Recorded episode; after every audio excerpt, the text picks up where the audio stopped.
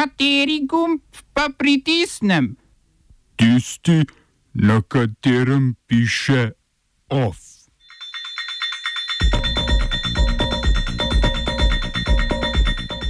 Zaenkrat brez carin. Trump in Macron podaljšala rok za dogovor o francoskem digitalnem davku. Letalska linija med Beogradom in Prištino. Na kitajskem 13,5 let zapora za nekdanjega Interpolovca. Pogovor z rezidenčno umetnico v MGLC Švicariji in kje bomo pa jutri spali v stari mestni elektrarni.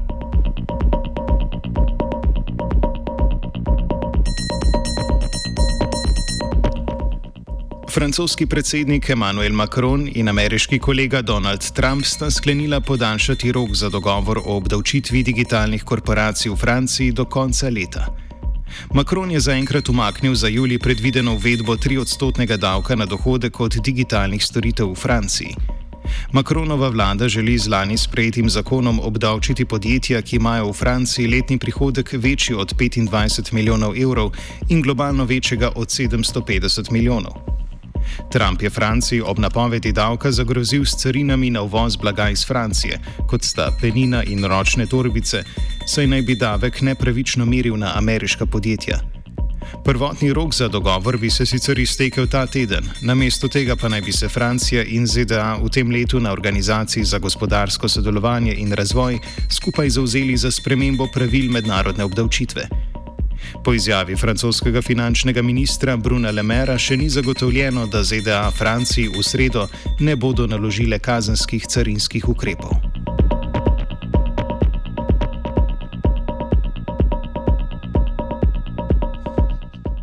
Meng Hongwei, nekdani vodja Interpola, je bil v kitajskem Tianjinu obsojen na 13,5 let zapora za sprejemanje podkupnin in zlorabo položaja. Ko je služboval na Ministrstvu za varnost in v obaljni straži med letoma 2005 in 2017, je sprejel za okrog 2 milijona evrov podkupnin. Meng, ki so ga na kitajskem prijeli lani, je krivdo priznal in se na obsodbo naj ne bi pritožil. Poleg zaporne kazni mora plačati tudi približno 260 tisoč evrov kazni. V protikorupcijski kampanji, ki jo vodi predsednik Xi Jinping, je bilo kaznovanih že več kot milijon nekdanjih članov komunistične partije. Z bojem proti korupciji je Xi hkrati utrdil svojo oblast.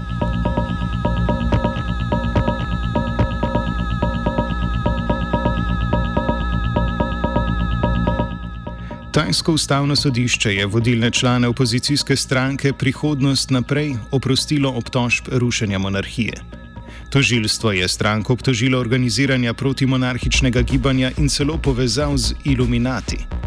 Strankin logotip je namreč na glavo obrnjen trikotnik. Sodnik je voditelje spoznal za nedolžne, logotip pa je po njegovih besedah odobrila volilna komisija, torej ni sporen. Tajska je ustavna monarhija, po lanskih volitvah pa ji vladajo stranke povezane z vojaško hunto, ki je leta 2014 izvedla državni udar.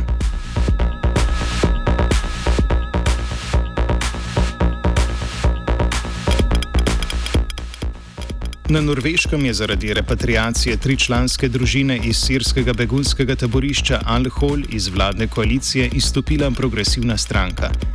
Ker norveška ustava ne omogoča predčasnih volitev, bo Erne Solberg iz konzervativne stranke do volitev septembra naslednje leto vodila manjšinsko vlado. Imenovati bo morala nove ministre na nekaterih ključnih ministrstvih, naprimer na Ministrstvu za finance, z katerega je odstopila predsednica progresivne stranke Siv Jensen, in Ministrstvu za energetiko.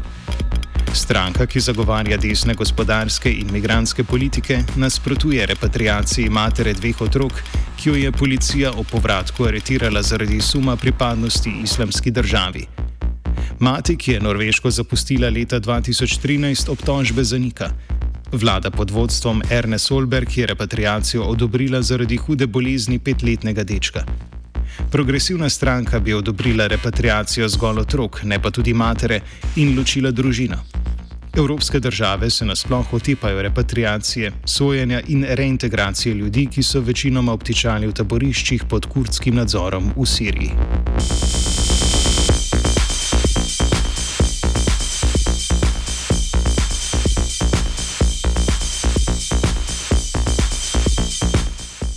Predstavnika Srbije in Kosova sta na ameriškem veleposlaništvu v Berlinu podpisala pismo o nameri vzpostavitve letalske linije med Beogradom in Prištino. Letalsko linijo naj bi odprla Eurowing, nizkocenovna podružnica Lufthansa. Pismo, pod, podpis pisma so med drugim pozdravili srpski predsednik Aleksandar Vučić, albanski premijer Edi Rama in generalni sekretar NATO Jens Stoltenberg. V prisotnosti ameriškega veleposlanika v Nemčiji Richarda Grenela in ameriškega svetovalca za nacionalno varnost Roberta O'Briena sta pismo o nameri podpisala za Srbijo državni sekretar na Ministrstvu za gospodarstvo Milun Trivunac, za Kosovo pa direktor Kosovske uprave civilnega letalstva Esed Beriša. Po besedah Marka Đuriča, direktorja Srpskega urada za Kosovo in Metohijo, bi se linija lahko spostavila šele potem, ko Kosovo umakne 100-odstotne carine na uvoz dobrin proizvedenih v Srbiji. Letalska linija med Prištino in Beogradom ne obstaja od leta 1998 in Kosovske vojne, v kateri je osvobodilno vojsko Kosova izdatno podpiral NATO.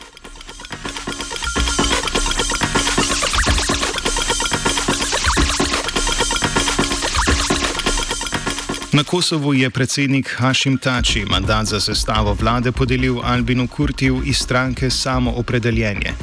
Kurti ima sedaj 15 dni za sestavo vlade koalicije. Pogaja se z Demokratsko ligo Kosova Ise Mustafe.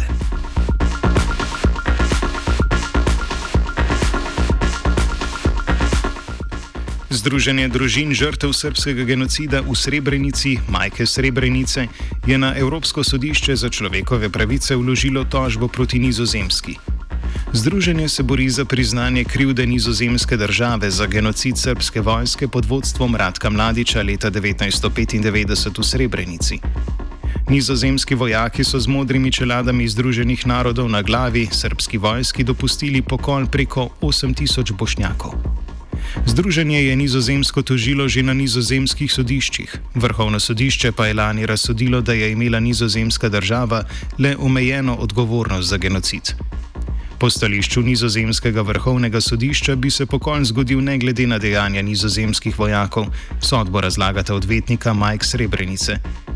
Ker sodišče sploh ni razpravljalo o dejanskih možnostih za preživetje, odvetnika trdita, da gre za kršenje šestega člena Evropske konvencije o človekovih pravicah oziroma pravice do poštenega sojenja.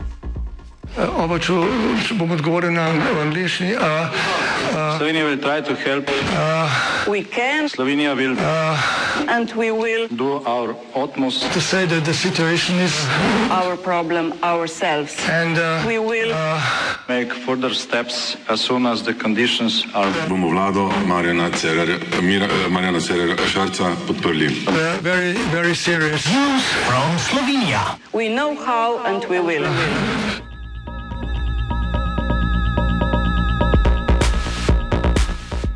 Nekdanji ravnatelj vzgojno-izobraževalnega zavoda Rogatec Viljan Prevolšek se ni izvensodno pogodil v svojo nekdanjo šolo in nadaljuje tožbo.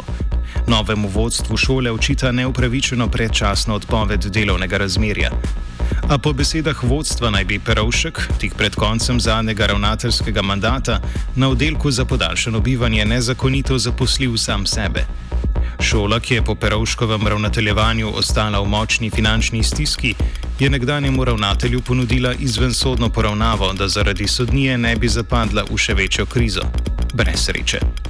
Trenutna ravnateljica Alenka Virant opiše, kaj se je dogajalo za zaprtimi vrati. Torej, eh, sodna poravnava, ki je potekala, prva obravnava sodniška, ki je potekala včeraj na delovnem sodišču, ni bila uspešna in do poravnave ni prišlo. Eh, Tukaj nismo najdli eh, skupnega jezika. Eh, Zahteve eh, bivšega torej, ravnatelja so bile previsoke. Uh, torej, zahteva zelo visoko odškodnino za torej, dejanje, je, za katerega je dejansko neupravičen. Uh, ja, zdaj, kaj to pomeni? To pomeni, da torej, um, uh, osnovna šola oziroma vis, OŠ, katerega zastopam, uh, nadaljuje z postopkom in tukaj torej, gremo do konca in bomo zadostili torej, pravici, uh, katero si jo torej, zaslužimo. Um, kar se tiče pa, torej gremo do konca, tu druge ni. Um, obravnava bo najmanj še ena, oziroma mislim, da tudi končna. In glede na to, da bo samo ena zaključna, tako se je odločila sodnica, na kateri bo zaslišane tudi vse priče, eh, nekih velikih stroškov za eh, viz OŠ, tako potem takem ne bo. Obstaja pa še ena tožba, dodaja ravnateljica glede na uh, torej ugotovljene nepravilnosti poslovanja pri vodenju um, ravnateljskega, torej upravljanja ravnateljevanja v preteklih letih smo odkrili ogromno nepravilnosti in razmišljamo tudi o kazenski ovadbi. OF je pripravil Martin. OF.